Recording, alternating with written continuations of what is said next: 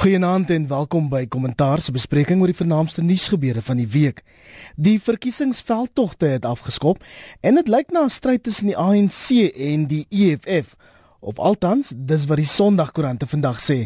Ons bespreek die verswygde syfers van die matriekuitslae en ons kookus oor president Jacob Zuma se 8 Januarie verklaring. Die paneel vanaand, professor Andre Dievenage, 'n politieke ontleder verbonde aan die Noordwes Universiteit en die Sunday Times se parlementêre biroof, Jan Jan Jubber. My naam is Iver Price, tweet gerus jou mening aan my.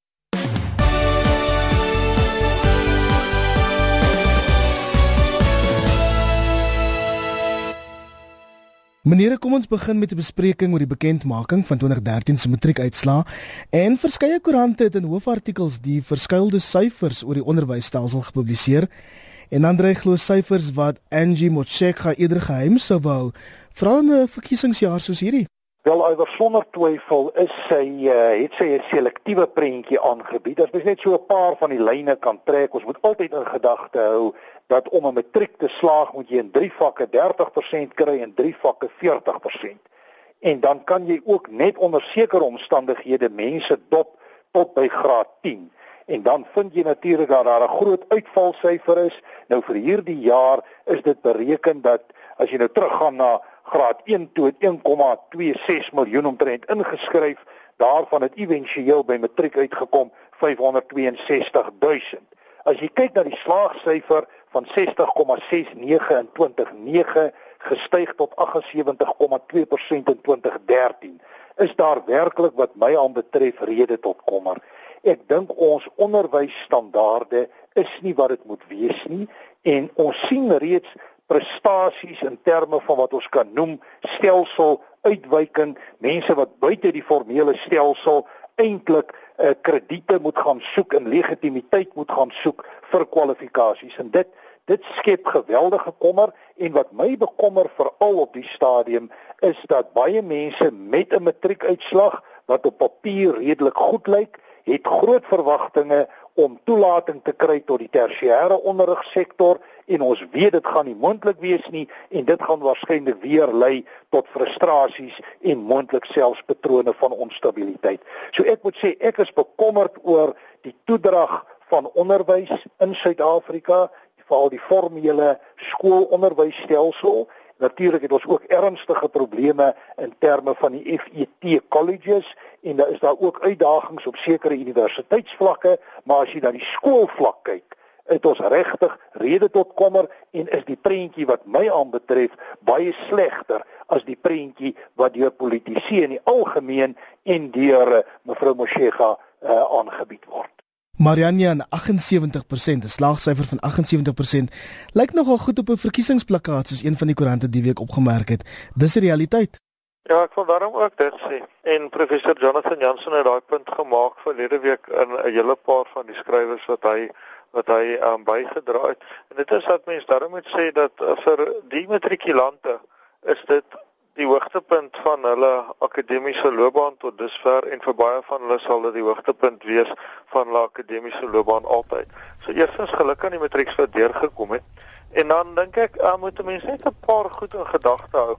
Um ek sien daar's baie mense wat allerlei vergelykings tref met die verlede en die hede um dan nou daarteen opweeg en meen dat ons lyk maar bleek wat dit aanbetref. Um ons moet ook kyk wat was die slagvereistes gewees in die vorige stelsel. Dit was nie so hoog as wat sommige mense dit nou voorgee nie. Um daarmee saam, jy weet in die ou wit stelsels voor 1995 toe ons eerste keer 'n gesamentlike eksamen geskryf het, was die slaagsyfer altyd hier in die omgewing van 97-98%. Dit is so verskriklik moeilik geweest om matriek deur te kom nie, hoor. Um maar wat ook gebeur is dat um dit is waar dat aan die onderpunt van die skaal is skole daarom deesdae beter toegerus as wat hulle in in daardie ou dae was. En ek wil ook sê dat daar geen teken is dat ons topstudente wat oorsee gaan studeer sukkel wanneer hulle oorsee studeer nie. Dit gesê, wil ek ook saamstem daarmee dat enige syfer wat toeneem van 60% na 78% in so 'n kort tydperk lyk baie kunsmatig. Daar is 'n en Daba wat kom later vanjaar 'n hele groot byeenkoms van al wat 'n onderwyskenner is en dit sluit blykbaar elke ouer in die land in.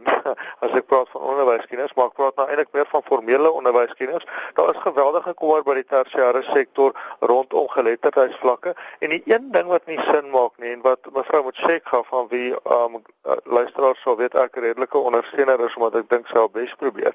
Um Een ding wat mevrou moet sê, ek gaan nie wegverduidelik kry nie, is die feit dat ons syfers in die sogenaamde ANA toetse, die toetse wat um afgelê word in graad 3, 6 en 9 om te bepaal wat die geletterdheids- en uh, syfervaardigheidsvlakke is, dat daardie syfer so laag is en die matriekslaagsyfer so hoog is, kan logies gesproke net beteken dat ons mense matriek te maklik slaag. So daar's daarom 'n tikkie hoop, Andre. Ek dink ons moet onthou onderwys staan voor groot uitdagings. Ons is 'n ontwikkelende samelewing. Ek is bereid om te sê mens kan met goeie bestuur en met administrasie kan jy van die dinge regstel. Uh natuurlik is 'n groot deel van ons probleem werklike goed opgeleide onderwysers. Ek moet sê op hierdie oomblik kom hier 'n syfer van uh die onderwysomgewing wat sê dat 55% van alle onderwysers sal eerder die beroep wil verlaat en dit is kommerwekkend. Ons het op 'n stadium in in Pretoria met navorsing wat ons gedoen het eintlik vasgestel dat dit nie primêr gaan oor geld wanneer dit kom by onderwysstandaarde nie, maar dit gaan oor toewyding veral van die kant van onderwysers. En dit is iets wat ek dink ons moet aanmoedig en moet uitbou. Want ons moet net onthou dat ons in die toekoms totaal afhanklik is van onderwys om vaardighede te skep wat weer moet lei tot werksgeleenthede en dit werk weer deur na armoedeverligting omtrent al die strategiese prioriteite wat die ANC gister by hulle konferensie aangebied het. So ek dink dit is so 'n belangrike strategiese prioriteit. Mens moet aangaan en jy moet jou bes doen om dit te verbeter in belang van die land en al sy mense. Intussen het die meeste partye se verkiesingsveldtogte amptelik afgeskop en dit het oor die naweek ontaard in 'n stryd tussen die ANC en Julius Malema se ekonomiese vryheidsvegters. Meer as 50 ANC-lede wat meneer Malema oor die naweek in Kandla getakel het, gaan môreoggend weens openbare geweld in die hof verskyn. En Jan Jan Malema beskuldig die ANC van onverdraagsaamheid teenoor politieke teenstanders. En ek moet vir jou sê van die kantlyn gesien, lyk dit of hy dalk die naweek 'n punt beet het. Wel, jy weet, hy weet alles van onverdraagsaamheid af, né? Laat ons nou nie sê dat die ANC hom na die kroon steek daar nie. Um hy's 'n man wat wat daardie kuns min of meer vervolmaak het. Maar jy weet, ek lees wat hy sê vanmôre en ek dink by myself aan die aan die leier van die PAC in KwaZulu-Natal, was 'n meneer Mkwanazi met wie ek 'n onderhoud gedoen het in Zululand in 1999. En hy het 'n punt gemaak wat my altyd bygebly het. Hy het gesê waarom as daar politieke geweld in die land is, is die ANC die gemeene deler. Nou, daardie onverdraagsaamheid wat ons gister gesien het in die strate rondom in Kandla of in elk geval rondom die president se se woonkompleks daarby in Kandla. Um dit was dit was regtig nie iets wat die ANC tot eer strek nie. Dit was baie baie duidelik dat daardie ANC ondersteuners nie wou gehad het die EFF moet daarso 'n veldtog voer nie. Hulle het daardie mense onder die klippe gesteek. Hulle het bottels na hulle gegooi. Hulle het die polisie later met klippe bestook en ek wonder hoekom is die ANC so doodstil daaroor? Jy weet, mense beginsels word getoets wanneer hulle onder druk kom. En die ANC moet nie net mooi praatjies maak wanneer hulle 'n vol stadion het en nelspruit nie. Die die toets van daardie beginsels kom by waar uh, as as mens uit die uit die um motorbedryf kan praat waar die band aan die teer raak en waar die band aan die teer geraak het gister was um in in Kandla en soos Banim Tomboti korrek skrywe vanmôre in die Sunday Times dit was nie 'n mooi gesig nie Maar dit was nog 'n slim politieke skuif van Malema om, om oor hierdie einste naweek waarop die ANC sy manifest bekendstel, daai lig te laat skyn op die kwessie wat hulle probeer doodpraat. En dis die 208 miljoen rand wat op Nkandla geblaas is, Andre. Ek het geen twyfel dat daar 'n element van politieke opportunisme was van die kant van Julius Malema en die EFF.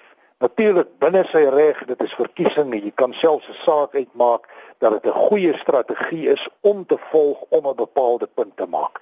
Maar wat baie duidelik vir my is, is dat die ANC op die oomblik baie sensitief is rondom Jacob Zuma, hulle sensitief rondom Kandla, hulle sensitief oor die uitjouery uh, van meneer Jacob Zuma. Ons sien al die veiligheidsoperasies wat plaasgevind het gister rondom hulle uh, 8 Januarie toespraak en die uh, bekendstelling van hulle manifest. So dis duidelik ja, hier was 'n element van opportunisme, maar dit maak die ANC seer. Dit staan ook in 'n tyd waar die Ipsos Markinor opnames wys dat die ANC steunvlakke vergelykenderwys tot voor die 2009 verkiesing met omtrent 10% van 63 na 53% gedaal het. En ons weet daar is talle weerstande teen Jacob Zuma om nou letterlik die geveg na sy voorstoep toe te vat uh, is om moed te hê om in te beweeg in KwaZulu-Natal wat 'n moeilike provinsie is en wat soos ons genoem het ook hoë elemente van onverdraagsaamheid het.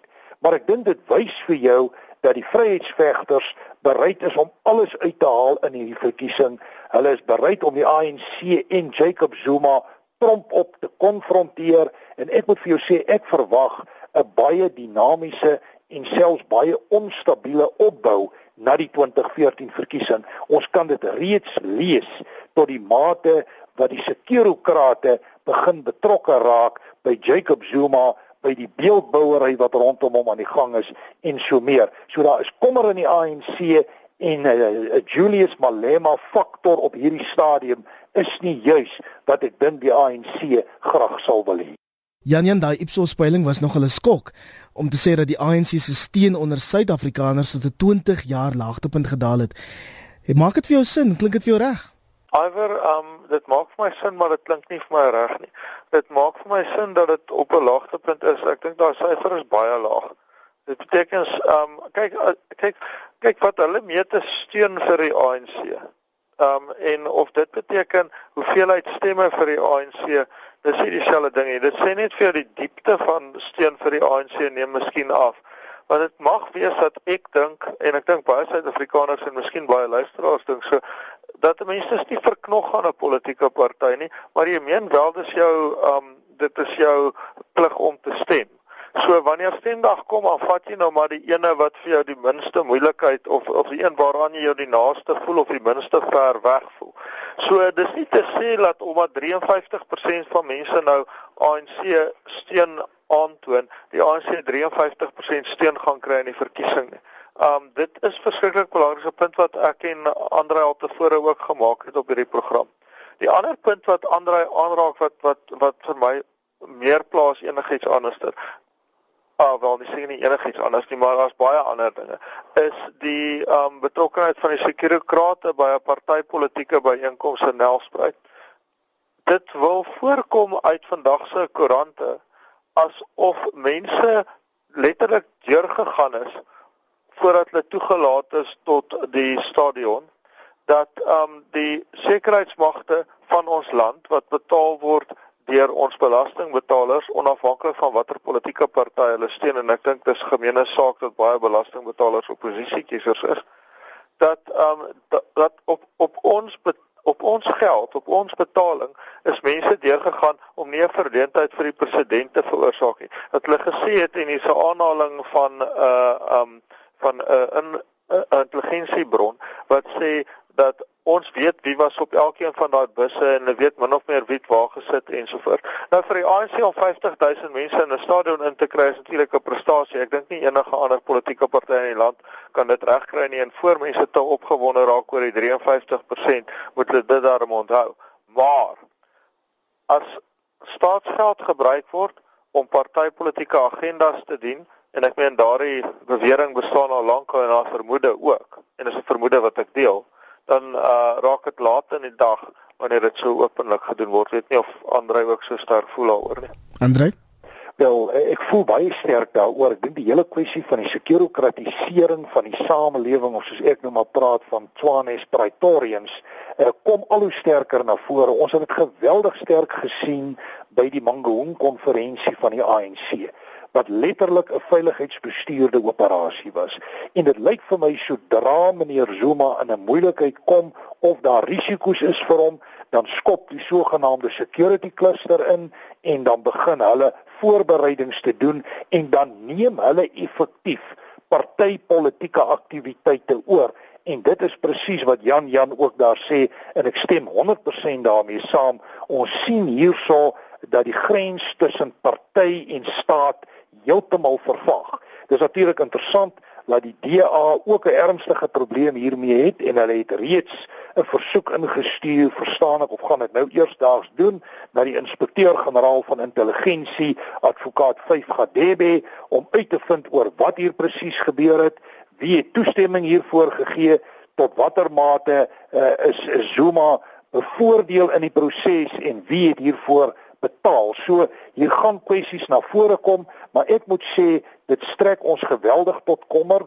uh, dat dit die geval is dat hier veiligheidsoperasies in belang van 'n party uitgevoer word en ek dink dit is gewoon vanuit 'n grondwetlike oogpunt totaal onaanvaarbaar en ek dink die ANC en meneer Zuma sal definitief hier moet verduidelik en veral verduidelik hoe dit belyn word met seksie 199.7 van die grondwet uh, wat eintlik sê dat daar nie in belang van 'n politieke party opgetree moet word in die sin dat 'n party bevoordeel word of benadeel word deur staatsaksies. So hier is definitief 'n terrein uh, van kommer en ek moet sê die tendens word ook vir my of hy sterker en duideliker word. Dis nie meer geslote insidente hier en daar nie. Dit word 'n breër, sterker tendens en dit is definitief 'n rede tot kommer en 'n saak wat ons in die toekoms moet ophou. Intussen het president Jacob Zuma sy jaarlikse verklaring van ANC beleid gelewer En dit staan tradisioneel as die 8 Januarie verklaring bekend ter viering van die party se stigtingsdag in 1912 en kom ons luister na 'n uittreksel uit sy toespraak.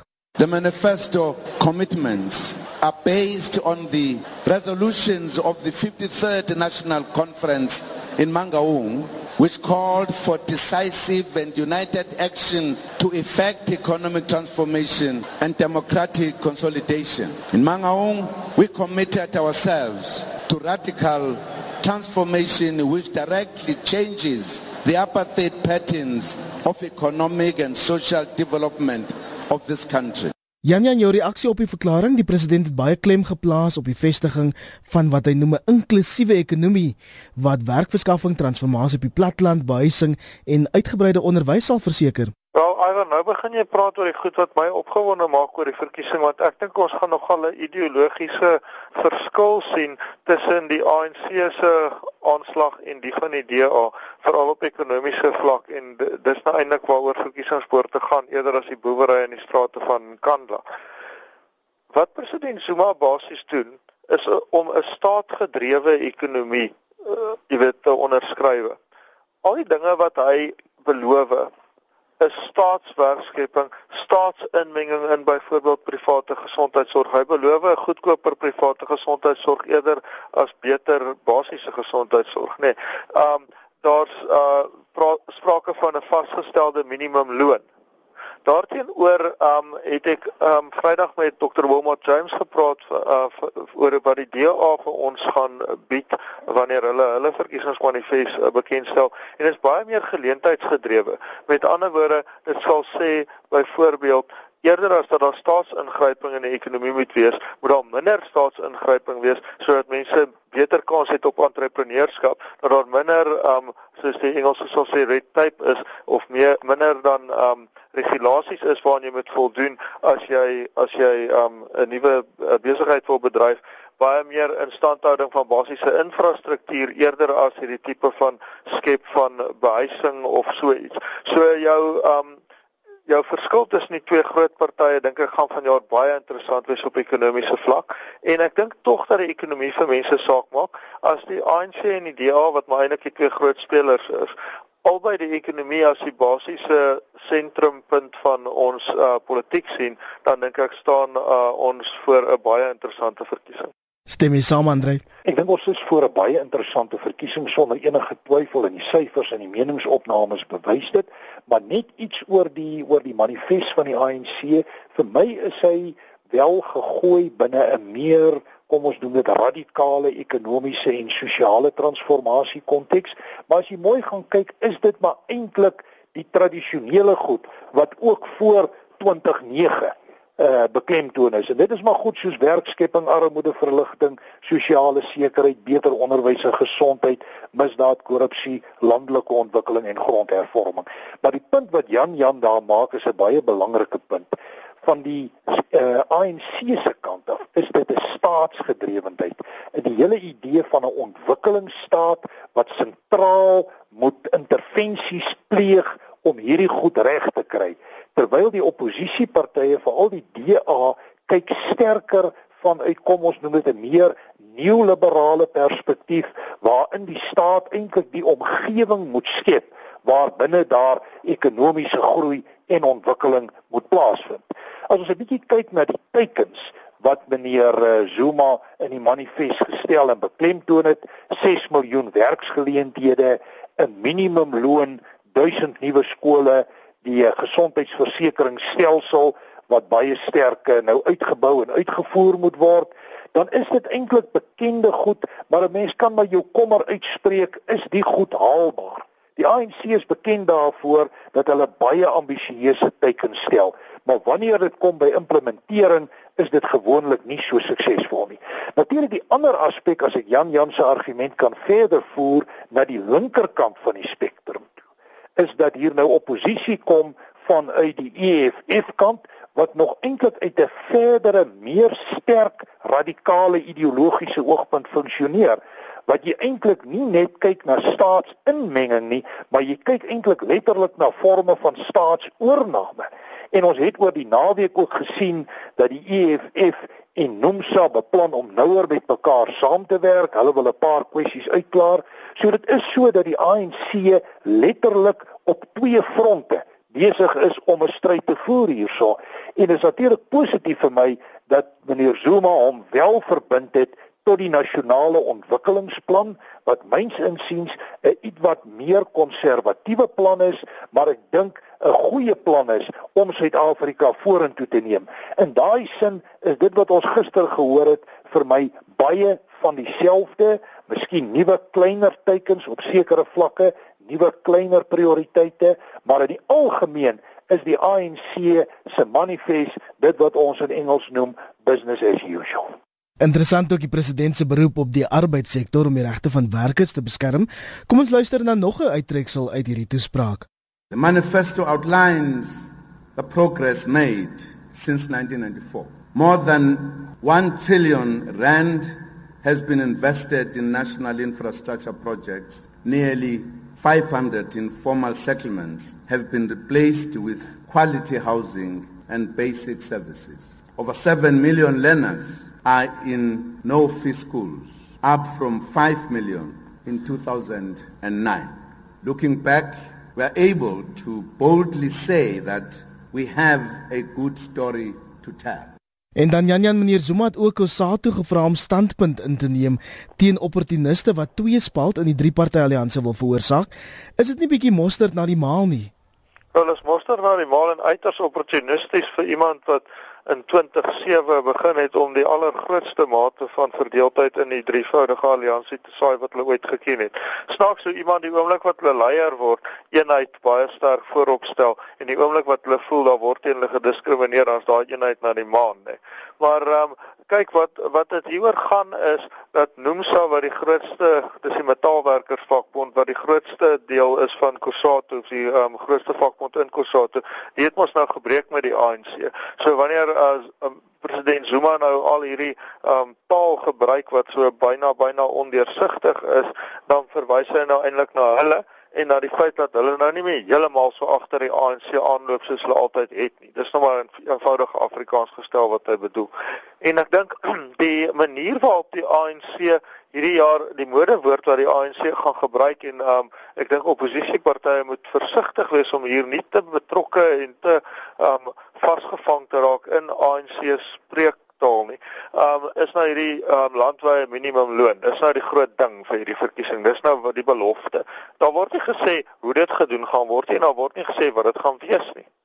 'n Minimumloon landwyd is nie 'n sleg idee nie, mits jy dit verstandig toepas.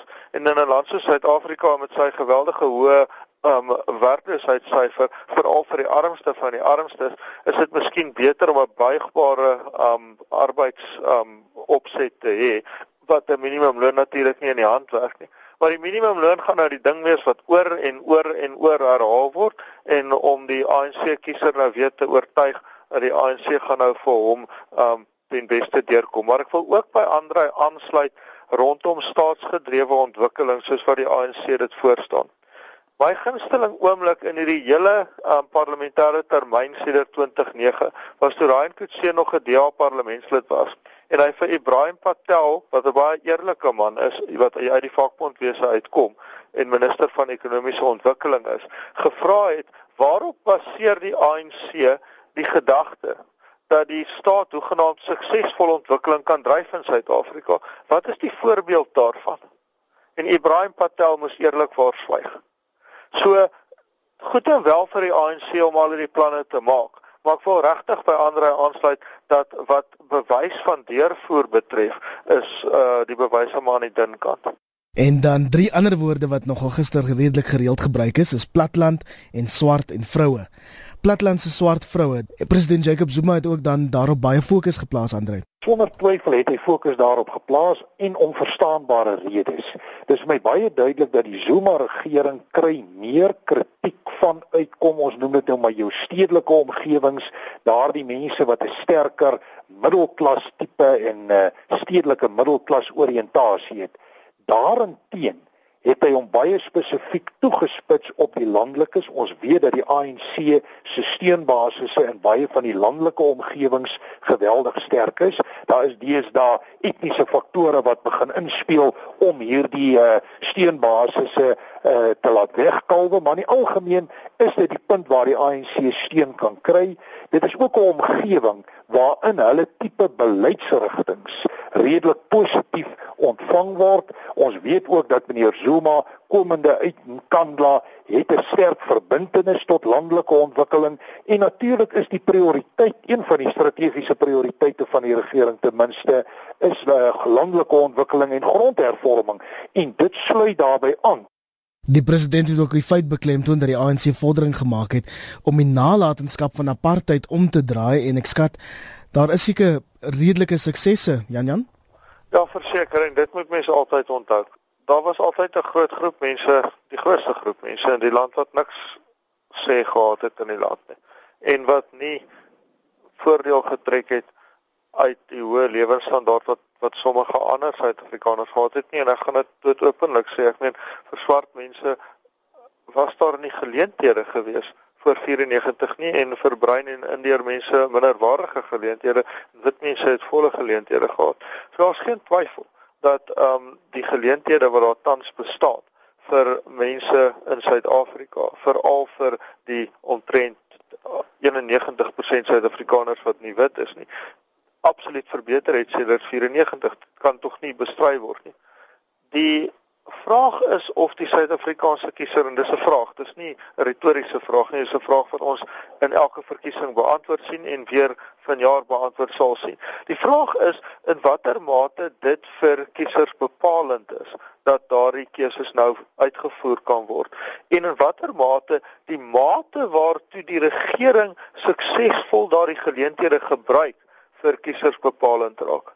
Dat die verandering plaasgevind het en dat dit nie sou plaasgevind het as die bevrydingsstryd nie plaasgevind het nie, is tog sekerlik 'n feit. Daar's ook ander faktore, meneer de Klerk, definitief 'n baie groot faktor. Maar die vraag is vir kiesers, is dit genoeg? Is dit bepalend? Of vra ek my af, het hierdie regering voldoen aan die geleenthede wat geskep is sedert 1994 of is daar iemand wat dit beter kan doen? Kom ons luister dan na nog 'n uittreksel uit president Zuma se Januarie 8 verklaring. The ANC will also take practical steps to ensure that the introduction of the youth employment incentive scheme does not displace unsubsidized workers. We also commit to investigating the modality for the introduction of a national minimum wage as a key component of reducing inequality. En dan werkloosheid om daarbey aan te sluit bly ook 'n groot probleem en die ANC sê hy gaan 60% van sy projekte vir die jeug op werkskepping fokus. Andre Ek die jeug is een van die groeperinge wat vir die regering baie belangrik is en dit is om verskillende redes. Ek dink 'n syfer wat deesdae genoem word is dat hier uh, 3 miljoen nuwe kiesers toegevoeg gaan word in die 2014 verkiesing en ons weet hulle val almal in die jeugkategorie. Ons weet ook dat die steunbasis van die EFF lê baie sterk in die jeugkategorie. Nou as jy praat van die jeug in ANC terme, dan praat jy eintlik van 35 jaar uh, tot by 18 in terme van stemgeregtigde kategorie. En as jy dit bereken as 'n persentasie van die groter getal stemgeregtigdes, dan is dit beduidend. Ek weet ek het 'n syfer in 2009 gesien wat sê bykans 50% van die stemgeregtigdes is 40 jaar en jonger. So dit is 'n groot groep waarop die ANC moet fokus. Ons het ook 'n tyd gelede ek en jy gepraat oor die jeugloon subsidie wat juis 'n poging is om werksgeleenthede te skep vir die jeug. Ons weet dat die werkloosheidssyfer onder die jeug uh, tussen 18 en omtrent hier 829 word hier op bykans 70% geskat. So in daai sin is hier reuse uitdagings vir die regering in die verband, maar ek wil daarom in algemene terme met Jan Jan saamstem. Ons is baie keer krities op die ANC, maar die ANC het ook baie positiewe dinge bereik. Ons kan maar net dink aan die sogenaamde golden decade of development wat ons gehad het, 'n 10 jaar van geweldige ekonomiese groei en voorspoed waarby eintlik die meeste mense in Suid-Afrika direk of indirek baat gevind het. Wat natuurlik 'n ander hoek is om na die ding te kyk is die moment as jy mense se lewensstandaarde verhoog, dan wil hulle eintlik nog meer hê. En dit is so dat ekonomiese groei en verwagtinge en opsigte van ekonomiese groei, veral as dit nie realiseer soos die mense dit graag wil hê nie, kan direk aanleiding gee tot patrone van politieke onstabiliteit. En dit is een van die dryfvere naas ander wanneer dit kom by hierdie diensleweringproteste. Maar in die algemeen moet 'n mens ook vir die ANC krediet gee. Die jeug is 'n belangrike prioriteit veral met die huidige Malema dinamika in ons politiek, maar in die algemeen dink ek is die 3 miljoen nuwe kiesers wat toegevoeg gaan word in 2014 baie belangrik vir die ANC en ons sien waar die peilings heen gaan, so ons kan verwag dat daar 'n redelike groot en gefokusde aanslag op die jeug gaan wees. Die volgende groot politieke skuif is natuurlik die bekendmaking van die oppositie, die DA se verkiesingsmanifest. En Jan Jan, jy het nou Vrydag 'n onderhoud met Wilma James gehad en dit klink maar ook soos werkskepping, ekonomiese groei, opleiding, onderwys. Ja, maar op 'n ander manier.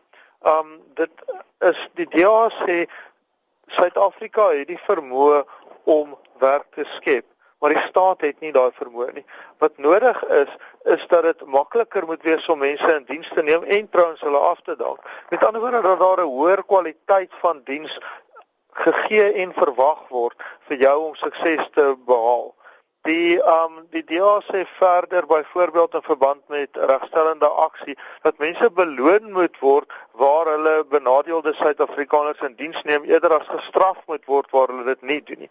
Dis heeltemal 'n ander manier van kyk na die ding. Ek dink in 'n sekere sin um en Andre uh, is reg as hy sê dat daar die geweldige um groot poging van die EFF is en uh, dit kan heel moontlik suksesvol wees om die debat te skuif na 'n meer staatsoornemende um um wel debat of of menings uh wisseling dan. Maar intussen is dit ook so dat die DA voer aan die private sektor is meer suksesvol met werkskepping as die staat. Trouwens daar's 'n baie sterk argument as ek vir 'n oomblik daardie argument mag voer dat staatswerkskepping eintlik glad nie werkskepping is nie want dit is eintlik maar die belastingbetaler wat daarvoor opdok. So dis 'n diensneming maar dis nie werkskepping nie. En um die DEA se argument is basies dat uh die staat se rol moet verklein en nie vergroot word nie. Nou of mense dit gaan koop sal ons sien op verkiesingsdag. Net om terug te kom na die Januarie 8 verklaring, die president het ook vinnig melding gemaak oor hierdie naweek van die grondwet wat baie mense se nekhare laat regop staan het. En Mac Mara het toe agterna gesê die grondwet ander is nie 'n statiese dokument nie. En sedert 94 is daar al 18 veranderings aangebring. Dit is inderdaad so hywer. 'n Grondwet is 'n lewende dokument. Hy behoort nooit 'n statiese dokument te wees nie. Maar as ons nou gaan kyk na die 18 wysigings aan die grondwet, dan gaan jy uitvind dit is meer kosmetiese kleiner tipe veranderinge wat aangebring is. Dit raak nie sake soos byvoorbeeld kom ons sê artikel 25 van die grondwet wat fokus op eiendomsreg nie. En dit wil vir my voorkom asof dit wat die ANC hier in gedagte het en waarna verwys word impliseer meer fundamentele veranderinge en dit raak kom ons noem dit nou maar die ooreenkoms wat via Kodesa en die veelpartytjie-konferensie in die vroeë 90's geraak het meer direk van daardie komme. So ons praat nie hier van 'n kleiner kosmetiese tipe wysiging nie. Ons praat hier van 'n groter, meer fundamentele tipe wysigings wat in die vooruitsig gestel word. En as jy dit nou dieper ideologies gaan lees binne die ANC denke en binne hulle strategiese dokument soos Strategy and Tactics, dan kom dit eintlik maar daarop neer dat hier 'n twee fase verandering in Suid-Afrika aan die orde is. Die eerste fase, eerste transisie was die politieke transisie of die politieke oorname. En die argument was dat die grondwet soos ons hom tans ken, ideaal geskik is vir daardie fase.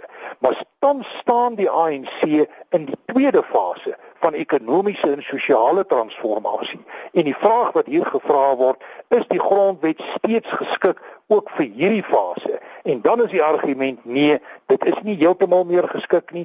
Ons moet kyk na grondwetlike wysigings ten einde ekonomiese en sosiale transformasie te bevorder. En dit is op 'n manier die argument wat ons ook gehoor het dat die grondwet gewysig sal word indien dit tot beter dienslewering kan lei. Ons moet net onthou dat die grondwet is tot 'n groot mate die gom of die sement wat die Suid-Afrikaanse politiek aan die gang hou en bymekaar hou. En as dit drasties sou verander, kan dit 'n klomp dinamikas tot gevolg hê en ek dink 'n mens moet baie versigtig omgaan met radikale wysigings aan die grondwet veral in die tyd waar ons nou staan waar ons ekonomiese vertroue nodig het waar ons investering nodig het en waar talle ekonomiese indikatore glad nie positief reflekteer nie. Jou reaksie daarop Jan Jan?